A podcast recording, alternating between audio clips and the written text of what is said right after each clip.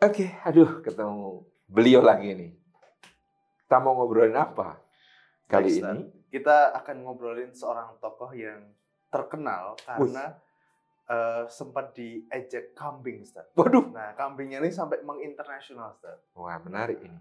Ini konon adalah salah satu tokoh yang sangat disegani di Indonesia, bah- bahkan di internasional, Ustaz. Betul. Nah, kira-kira siapa, Ustaz? Jadi itu namanya Haji Agus Saya Wah, kok bisa saya? Salim. Haji Agus Salim. Berarti gini, Ustaz. Oke, oke, siap. Jadi menarik. Ini kita mulai dengan ceritanya eh, beliau dulu tentang sindiran kambing. Mm-mm.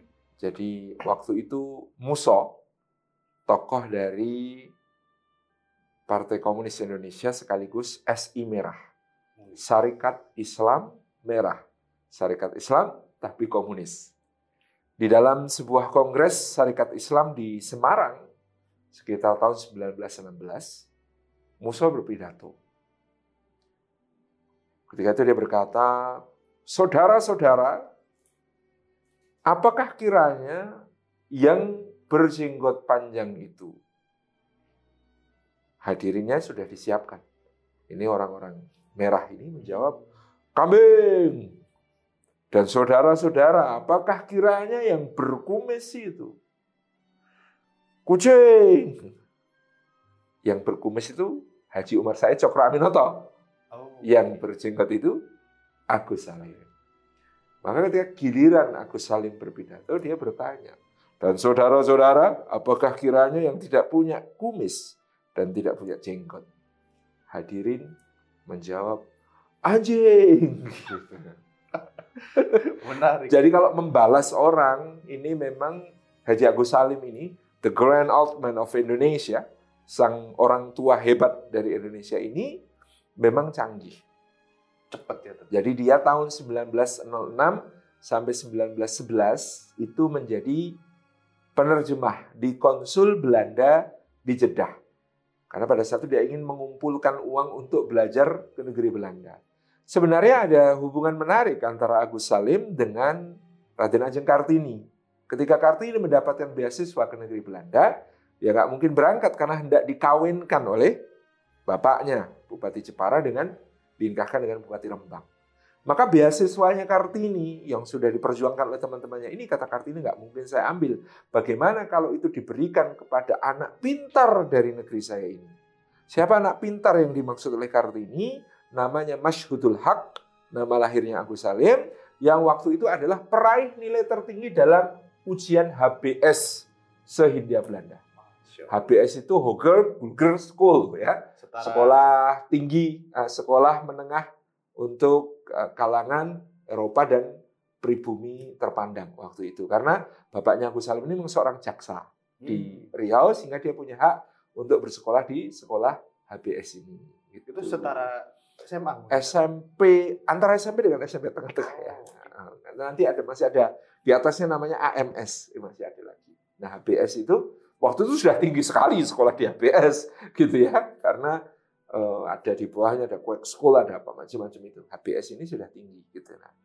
Nah kemudian ketika kerja di konsul Belanda di Jeddah itu karena dia tuh sering bantai atasannya konsul Belanda di Jeddah itu debat sering. Cuman Agus Salim itu nggak bisa disingkirkan. Kenapa? Memang pinter, kerjaannya beres, profesional, bahkan dia sering bantu kawan-kawannya. Jadi mau disingkirkan itu nggak bisa.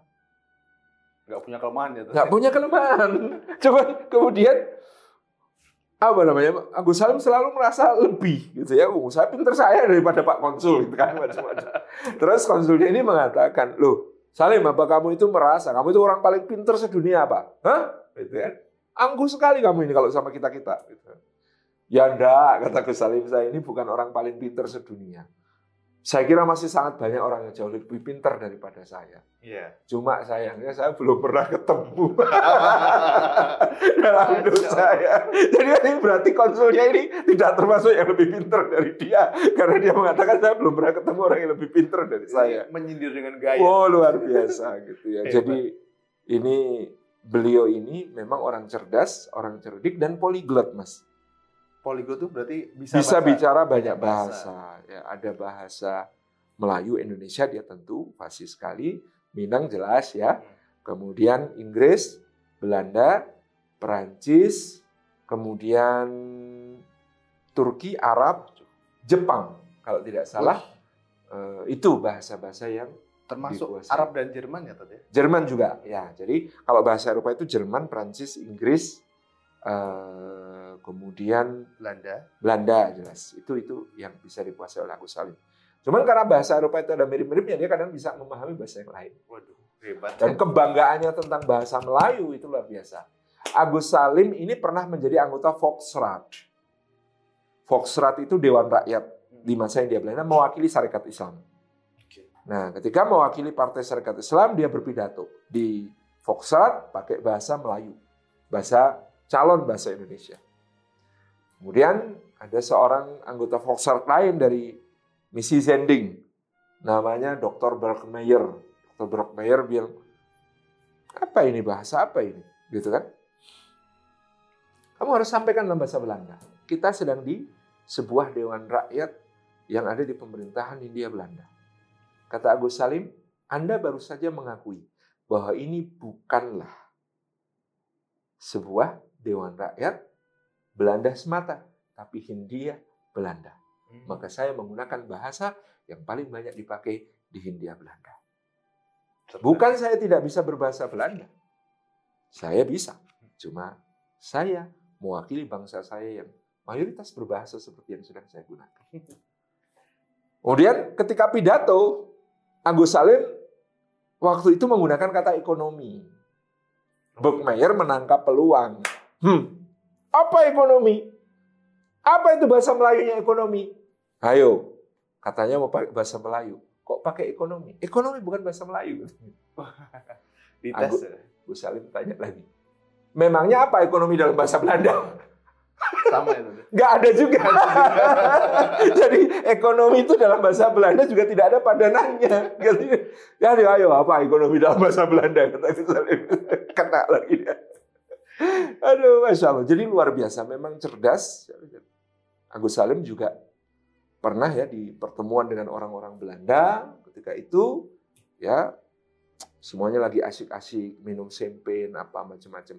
Agus Salim kan nggak minum minuman keras. Ditawari champagne nggak mau, dia ngeluarin kretek. Rokok kretek itu kan dalamnya ada cengkeh, ada Rempah. rempah-rempahnya macam-macam, kemudian dia bakar. Bul. Baunya kan tahu ya, kayak kalau orang Jawa itu ngerokok mbak menyak. Dengan berbagai rempah-rempah itu. Wah, Agus Salim itu edarkan supaya asapnya kena ke mana-mana. Orang-orang Belanda ini kan risih. Apa yang mau? Akhirnya kemudian dia mengatakan, Tuan, bisa Anda matikan rokok Anda itu. Bau sekali rokok ini. Hah, sangat-sangat eh, apa istilahnya? Tidak berperadaban gitu ya. Dianggap tidak berperadaban karena itu rokok dari kalangan rakyat gitu. Kata Agus Salim sambil tersenyum. Tuan-tuan lupa 400 tahun yang lalu. Nenek moyang tuan-tuan mencari-cari jalan ke negeri kami sampai mengorbankan berbagai hal dalam hidupnya untuk menemukan apa yang menjadi isi dari kretek saya ini. Cengkehnya, tembakonya, dan lain sebagainya. Jago ya Tat ya. Itu luar biasa. Kayaknya mungkin waktu kecil susah dibully ya. Karena memang dari terken- kecil terkenal cerdas. Beliau lahir di Koto Gadang. Koto Gadang berarti Bukit Tinggi ya. Orang Sekitar- awal berarti, Tat. ya orang awak tahun 1884 itu kelahiran beliau. Jadi kalau dipikir-pikir memang di masa perjuangan kemerdekaan itu Minang mungkin menyumbang lebih dari 40% tokoh. Iya, banyak sekali. Banyak sekali gitu ya. Jadi kita tidak bisa menghindari untuk banyak membahas tokoh Minang dalam seri para pahlawan ini. Tetapi Agus Salim memang sangat layak untuk kemudian kita sebut.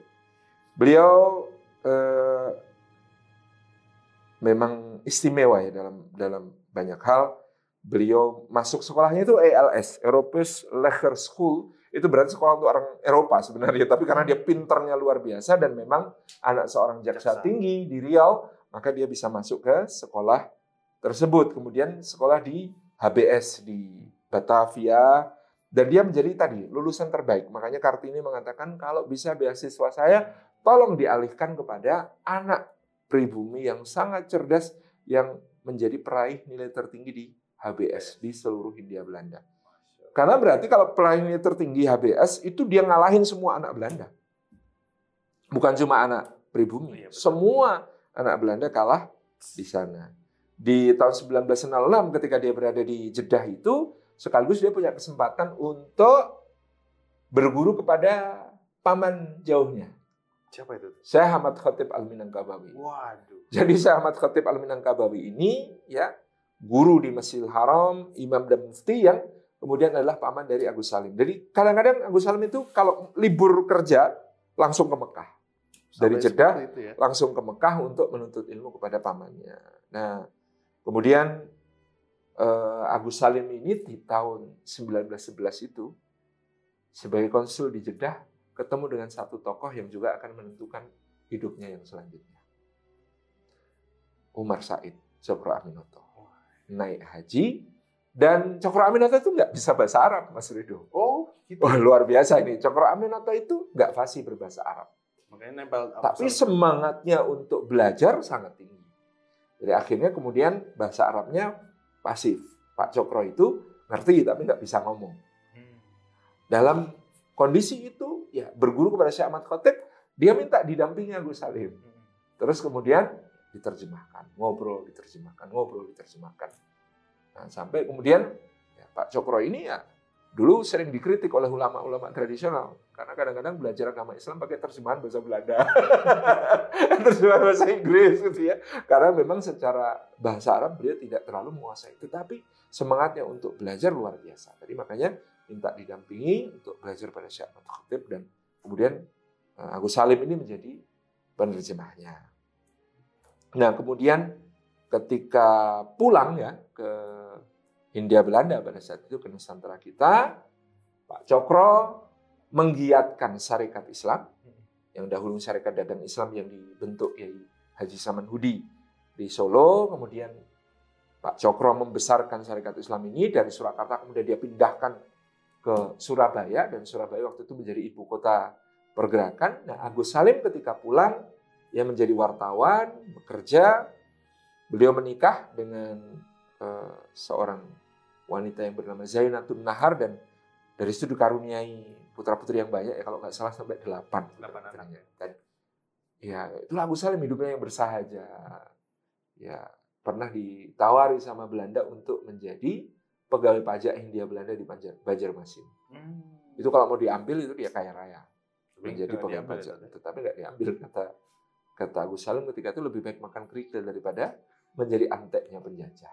Tetap selalu ada kalimat-kalimat yang Tajam, tajam, pedes. pedes. Iya. Ketika dia jadi wartawan terkenal tulisannya sangat tajam dan padas mengkritik berbagai hal di Hindia Belanda, tetapi yang luar biasa dia selalu bisa selamat dari delik. Speak delik itu kan speak delik. Hmm. Itu delik bicara itu hukum yang dikenakan Belanda kepada orang-orang yang ngomong keras tentang penjajahan. Yang vokal itu. oh, vokal dan lain sebagainya itu ya, Abu Salim ini tidak pernah kena gitu ya karena tadi dia ketika menulis itu selalu ada rujukan ada bukti ada dalil jadi ketika kemudian dia dituduh sesuatu dia balikkan loh yang ngomong pejabat Belanda sendiri kok gitu kan nah, yang ngomong Itu begini. bukan kalimat dia gitu. ah gitu misalnya seperti itu gitu kemudian beliau terus mengembangkan kemampuan jurnalistiknya sampai menjadi pemimpin harian Hindia Baru di Jakarta. Kemudian juga mendirikan surat kabar Fajar Asia.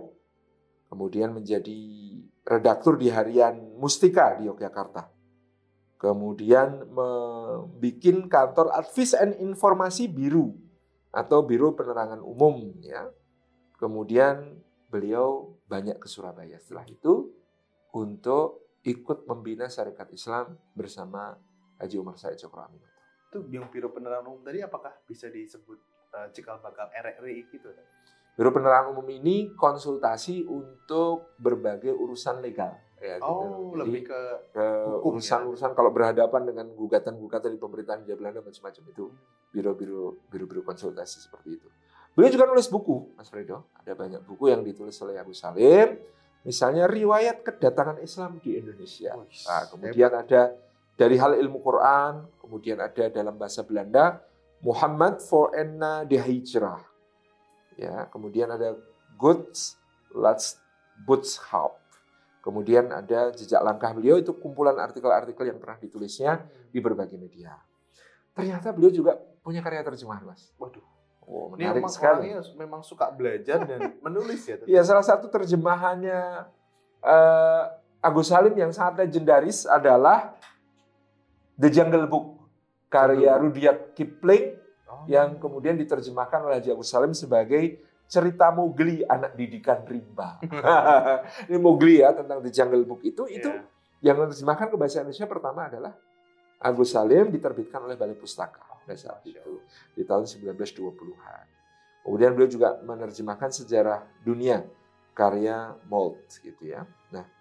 Di tahun 1915 itu Agus Salim bergabung dengan Syarikat Islam dan menjadi wakilnya Pak Cokro di dalam Oh, berarti orang kedua ya. Orang kedua ini luar biasa karena tadi dalam sisi penguasaan bahasa, retorika, pidato-pidato, Agus Salim itu menarik. Meskipun dari daya tarik pidatonya Pak Cokro menang. Nah, kalau kita sekarang suka nonton rekaman pidatonya Bung Karno, Bung Karno itu kan kok orator hebat, Iya, kita ya, dia dianggap orator hebat. Konon kemampuannya Bung Karno itu nggak ada apa-apanya dibandingkan Pak Cokro dalam berpidato. Pada Sayangnya- zamannya, sayangnya Pak Cokro itu wafat 1934, belum terekam ya yang namanya pidato-pidato beliau itu kita tidak menemukan file rekamannya. Sama sekali Sayang sekali. Iya, tapi karena memang ya zaman itu. Iya. Mungkin kalau sekarang ada rekamannya kita minder ya dengar pidatonya. Iya, gitu. Pertama viral dulu, Set. ya, pada tahun 1921, 1924, tiga tahun eh, Agus Salim ini menjadi anggota Volksrat atau Dewan Rakyat ketika Syarikat Islam sudah menjadi sebuah partai politik Islam. Hmm. Jadi sebelumnya eh, Syarikat Islam ini berubah-ubah bentuk lembaga. Karena apa? Menyesuaikan pokoknya gimana caranya tetap eksis dan aman. Ya. Kalau memungkinkan jadi partai politik, jadi partai politik. Nah, misalnya strateginya adalah ketika jadi partai politik masuk ke Volksrat, dia nggak bisa dibubarkan oleh pemerintah. Oke. Ini Jadi dia- idenya Agus Salim juga tuh. Agus Salim dan Pak Cokro. Jadi ini harus harus harus lincah Iya. mengelola organisasi. Ketika kemudian dia misalnya di politik terus digusur, maka kemudian jadi berubah menjadi sebuah lembaga sosial. Di awalnya Pak Cokro mengatakan kita bukan lembaga politik yang mengurusi politiknya Hindia Belanda ini. Wah, itu masih jadi organisasi sosial keagamaan Iya. urus ini. Kita adalah lembaga yang menaungi para pedagang, para pekerja, para buruh, para petani muslim supaya mereka berdaya dan tidak menjadi makanan para rentenir dan lain sebagainya. Gitu Pak Cokro waktu itu. Jadi oh, berubah lagi, berubah. Belanda bingung. Ini gimana sih syarikat Islam ini bikin gemes mau dibubarkan pakai cara ini berubah jadi lembaga begini. Mau dibubarkan? Nah, itu. Nah, konon memang Syarikat Islam ini salah satu organisasi dengan jumlah anggota paling banyak gitu. Yang terdata di 1915 1919 itu dua setengah juta. Di tahun 1920-an mungkin 3 juta anggotanya. Itu di tahun segitu. Ketika penduduk Indonesia belum ada 50 juta totalnya bersama bayi-bayinya. Ya Allah. 3 Gede juta kader, Gede 3 juta kader bayangkan gitu ya, Masya Allah. Itu itu ya. Dulu sebelum Pak Agus Salim masuk, yang jadi anggota Volksrat Pak Coro dan Abdul Muiz. Abdul Muiz ini tokoh dari Betawi ya, dan Muslim yang sangat hebat juga, yang kemudian dia bisa mewakili Syarikat Islam di Volksrat. Mantap. Nah, Agus Salim juga nanti menjadi anggota Panitia 9 dalam BPUPKI Iya. yang mempersiapkan Undang-Undang Dasar 1945. Ya kalau kita bisa bayangkan mukotimah Undang-Undang Dasar kita yang begitu indah itu ya. Atas berkat rahmat Allah yang Maha Kuasa dan dengan didorongkan oleh keinginan luhur supaya berkehidupan kebangsaan yang bebas, maka rakyat Indonesia menyatakan dengan ini kemerdekaannya. Itu ya rumusannya Agus Salim CS gitu ya kalimat-kalimat itu luar biasa. Tujuan bernegara kita yang sampai sekarang kita pegang untuk uh, melindungi segenap bangsa Indonesia dan seluruh tumpah darah Indonesia untuk memajukan kesejahteraan umum, mencerdaskan kehidupan bangsa dan ikut melaksanakan ketertiban dunia yang berdasarkan uh, kemerdekaan, perdamaian abadi dan keadilan sosial. Nah, itu itu dirumuskan oleh panitia 9 ini. Nah, yang lebih luar biasa beliau adalah anggota misi diplomatik Syahrir Hmm. dan menjadi anggota utama dan pemimpin beberapa kali delegasi untuk memperjuangkan diplomasi kemerdekaan Indonesia di luar negeri. Terbang ke Mesir. Agus Salim lah yang menghubungkan misi diplomatik ini dengan uh, waktu itu yang bisa bicara kepada pemerintah Mesir mewakili umat Islam di Mesir itu namanya Hasan al-Banna, pemimpin Oh. al-Ikhwan al-Muslimun. Itu yang tahu petanya ya Agus Salim. Ayo ketemu Hasan al-Banna. Dia dia yang bisa memfasilitasi kita untuk ketemu Perdana Menteri Mahmud Fahmi An-Nakrashi dari Mesir ketika itu yang memerintah atas nama Raja Faruk di Mesir. Nyambung. Kemudian Mesir mengakui kemerdekaan Indonesia. Agus Salim yang bisa berkontak dengan mufti Palestina Muhammad Amin Al-Husaini. Agus Salim yang bisa berhubungan dengan pengusaha Palestina Muhammad Awad yang kemudian memberikan sumbangan ya Yang untuk kemerdekaan Indonesia. Iya, ya itu yang dipakai Agus Salim untuk misi keliling Akhirnya kemudian ke India juga Agus Salim yang memimpin delegasi dan lain sebagainya. Ini untuk kemudian menguatkan diplomasi Indonesia di luar Berarti negeri. memang pengakuan kemerdekaan itu nggak kemudian tiba-tiba diakui ya tadi. ya nggak bisa kan kita harus lobby-lobby gitu. presentasi dan lobby-lobby Iya. gitu kan. Dan itu menjadi syarat sebuah negara merdeka. Ada Iya. pengakuan dari negara lain. Kita bilang saya sudah merdeka, negara lain nggak mengakui, Iya. nggak bisa gitu ya. Jadi dan itu perjuangannya Agus Salim. Nah, Hmm. perjuangannya Agus Salim dalam kemudian memperkenalkan kemerdekaan Indonesia ke negara-negara Timur Tengah, negara-negara Arab jarang dibahas. Hah? jarang dibahas. Jangan dibahas, Iya. tapi itu fakta yang kemudian harus kita pahami. Inilah the grand old man ya. Waktu itu memang Agus Salim itu penampilannya kayak orang sepuh gitu. ya. tapi eh, ya memang sudah agak sepuh ya, tapi tidak sesepuh yang sa yang tampak gitu, yang tampak itu ya jauh lebih sepuh daripada aslinya. Beliau ya memelihara jenggot, kemudian kumisnya ngikutin Pak Cokro. Itu konon ketika Pak Cokro sudah wafat, baru kemudian Agus Salim melihara kumis yang seperti Pak Cokro untuk mengabadikan kenangan dengan Pak Cokro. itu. jadi, kemudian kumisnya agak. Melintang gitu ya kan. Itu kan sebenarnya kumis melintang kayak begitu bukan gaya orang Minang. Iya. Itu gaya orang Jawa Timur. Gaya-gaya warok-warok. Pak Cokro kan dari Madiun Ponorogo Iya. gitu itu itu itu Oh. itu. Jadi nah, karena memang kemampuan diplomasi dan berbahasa yang luar biasa, berulang kali Agus Salim jadi menteri yang ngurus luar negeri. Menteri Muda Luar Negeri Hmm. Kabinet Syahrir, Menteri eh, Luar Negeri Kabinet Amir Syarifuddin, Menteri Luar Negeri Kabinet Hatta ya tahun 48 sampai 49 pada saat agresi militer Belanda di Yogyakarta 18 Desember 1948 itu eh, Agus Salim sedang menjadi Menteri Luar Negeri dan saat itu termasuk yang ditangkap oleh Belanda. Yang ditangkap itu presiden, wakil presiden, nah Menteri Luar Negeri juga. Gitu. Kemudian dibuang ke Bangka, ke pengasingan di Bangka waktu itu. Pada tahun 46 sampai 50 itu Agus Salim itu bintang cemerlang di politik Indonesia. Hebat ya. Dan Agus Salim itu terkenal dengan sama sekali tidak punya ambisi. Disuruh apa pun, diberi tugas apa pun, Siap. asal untuk bangsa dan negara itu sejalan gitu. Hebat. ya. Dan dia tidak peduli siapa atasannya, asalkan untuk Indonesia yang lakukan. Lah Amir Syarifuddin itu kan komunis dan Katolik, perdana menteri dia, pernah jadi perdana menteri. Sudah komunis Katolik pula, kiri Katolik pula.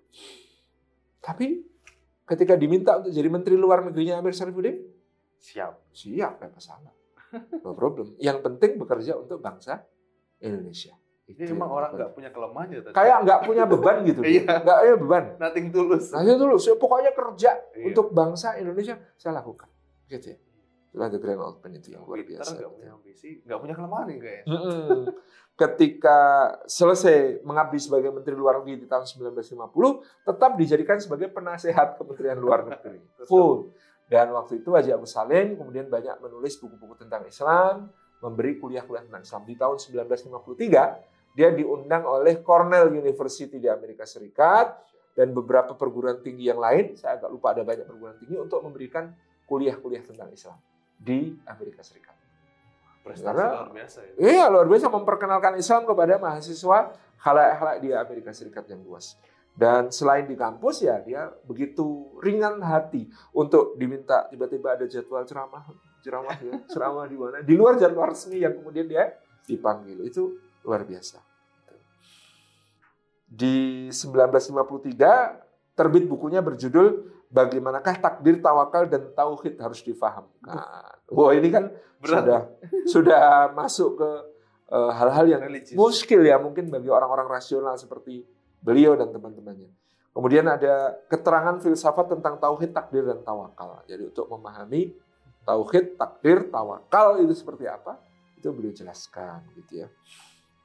4 November 1954 beliau meninggal warisan yang luar biasa dalam dunia perjuangan maupun politik Indonesia pada saat itu. Dan ini Agus Salim ini lagi-lagi adalah sosok yang menarik tadi ya dalam berbagai kesempatan gitu ya. Kecerdasannya, eh, apa namanya, sikap-sikapnya, kesederhanaannya.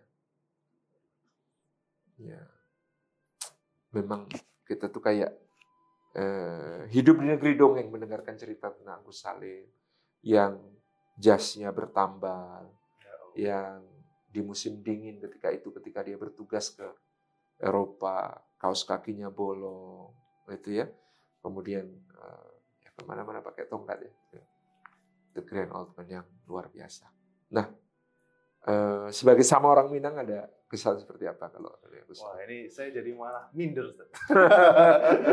Wah ternyata orang Minang satu ini dahsyat untuk Indonesia ya. luar biasa. Bisa Dan itu meninggalnya ketika usia 70 tahun berarti ya? Sudah 70 tahun. Dan memang tidak ada sakit atau apa gitu?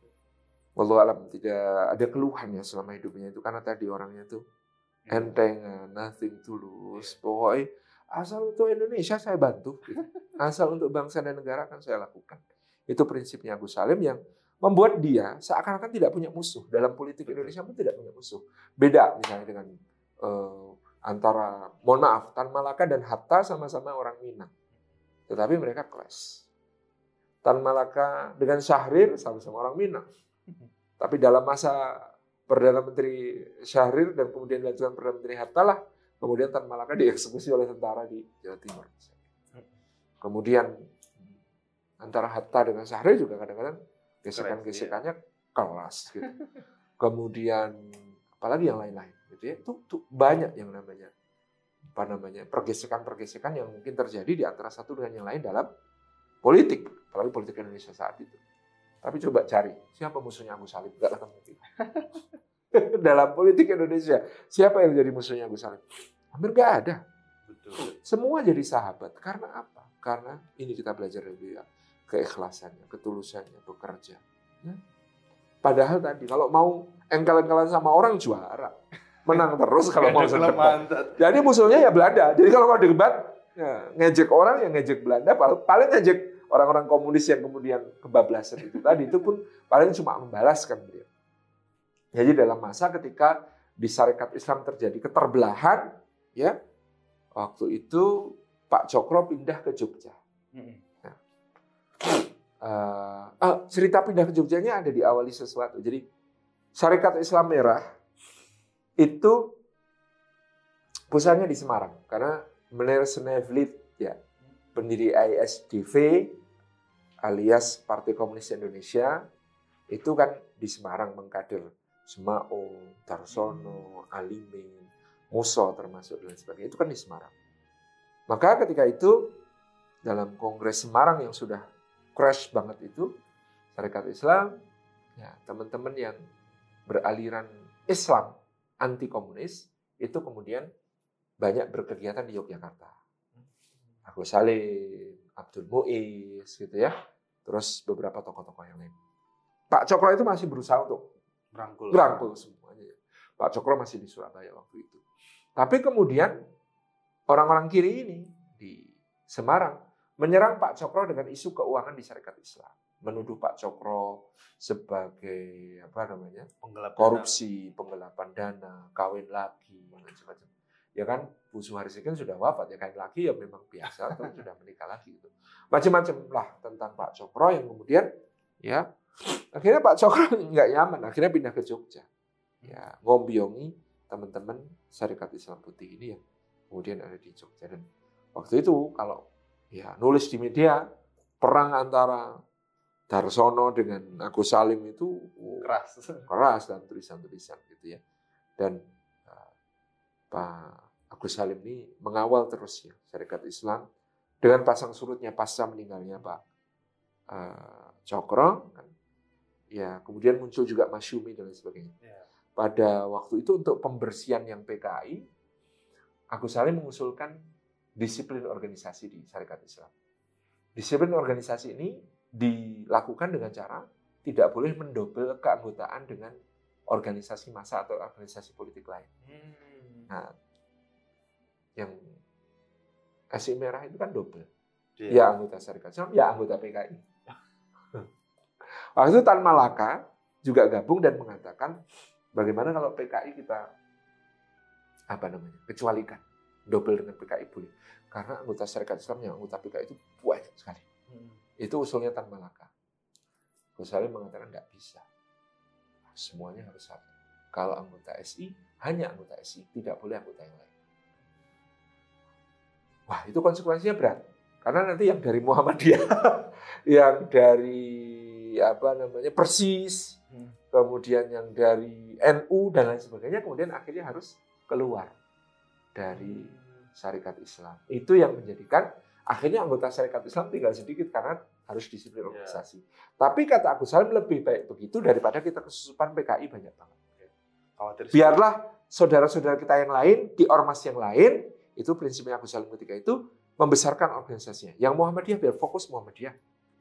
Yang Persis biar fokus Persis dan lain sebagainya. Ini kita tetap besarkan SI dengan sekuat tenaga. Jadi yang dahulu sampai anggotanya dua setengah juta, tiga juta itu tinggal. akhirnya berkurang karena tadi yang PKI ya PKI gitu ya demi pembersihannya kemudian yang ormas-ormas Islam kembali ke ormasnya masing-masing meskipun Agus Salim adalah yang tetap menjaga hubungan baik dengan semua. Gitu. kalau kehidupan keluarga atau percintaan ada yang menarik? Siapa ya? Agus Salim orangnya lurus-lurus gitu ya. Nggak nggak nggak nggak kemudian flamboyan macam-macam. Ya nikah dari usia muda punya sang- anak betul-betul apa ya family man ya sama keluarga begitu begitu baik gitu ya. Jadi cerita teladan di rumah, ada cerita-cerita tuh mengharukan kalau soal keluarga. Anaknya pengen apa, belum bisa membelikan, diajari untuk sabar, tunggu dan sebagainya. Padahal menteri loh. Harusnya bisa beli semua Ya, tapi itulah ya besar yang sangat bersahaja seperti itu. Masya Allah. Nah, apa lagi ya mau kita bicara Lengkap tentang orang ini? tentang Agus Salim ini. Mm-mm, mm-mm. Berarti memang nama beliau di dunia internasional memang begitu terkenal Ustaz, ya? Oh, sangat sangat terkenal, sangat dikenal di banyak negara, apalagi di negara-negara Muslim. Ya, beliau nanti akan diteruskan oleh Nasir. Nah, peran-peran Agus Salim di dunia Islam itu banyak membuka jalan nanti untuk Buya Muhammad Nasir melanjutkan termasuk di kemudian ada OKI organisasi konferensi Islam, kemudian ada di Robito Alam Islami dan lain sebagainya. Itu yang dulu ya eh, orang sudah mengenal Agus Salim, kemudian nanti akan diteruskan oleh Buya Muhammad Nasir. Lagi-lagi ulang Minang lagi. ya? Minang lagi. Minangnya kebanyakan sih di tokoh nasional zaman itu. Coba Hatta, Syahrir, Yatan Malaka, eh, ini, eh, Agus Salim. Agus Nasir, Hamka, banyak banget. Masya Allah. Jadi kalau misalnya kita merujuk di Makassar, kita punya apa, Syekh Yusuf ya tadi, Hmm. yang di Muslim Travelernya sampai ke mana-mana. Ke mana-mana. Berarti kalau soal kenegaraan kita punya Gus Salim. ya? Agus Salim, the Grand Old Man of Indonesia. Itu julukan yang di luar negeri sangat Dikenal dikenal. sekali. The Grand Old Man of Indonesia itu yang pakai tongkat jenggot tenang, pakai peci itu Agus Salim. Saya kira itu ya Mas ya tentang Boleh. Salim yang luar biasa. Mudah-mudahan kita bisa meladani beliau lah. Nah, tapi kalau soal bahasa belum bisa. ya. Banyak banget sih, pinter banget bahasanya. bahasa. Sembilan bahasa asing bisa dikuasai. Nah, nah, tapi memang bahasa itu kunci pengetahuan. Iya betul. Dengan tahu bahasa kita bisa uh, belajar banyak hal dari berbagai bahasa kan gitu ya. Dan yang kedua Dan- kunci keakraban. Kunci keakraban. Iya. Konon uh, kunci keakraban itu kalau kita menguasai bahasa sudah bisa bercanda pakai bahasa itu. Nah, itu sudah bagus. gitu. Jadi kayak bisa ngejekin orang luar tapi yang diajak ketawa. Nah, gitu itu ya. tanda udah akrab ya. Kalau lama sekarang itu kayak mutimeng. Bercandanya Iya. bahasa Inggris eh, keren gitu ya. Ya, You have a father of your wife, Father in law. he is your father-in-law. You have a mother, he is a mother-in-law. You have a brother, he is a brother-in-law. You have a sister, uh, she is a sister-in-law. But what about your wife? She is the law. Wah ini cerdas. Iya. Mungkin kayak gitu ya kata mungkin gayanya. Nah, gayanya Agus Salim sama jenaka, kocak tapi Tapi berbobot dan Iya, tajam. Yang kita kenal dari beliau. Masya Allah. Baik. Terima kasih Terima kasih. eh, hadirnya untuk mempertajam ngobrol-ngobrol kita tentang pahlawan hebat dari Nusantara kita, Haji Agus Salim, the Grand Old Man of Indonesia.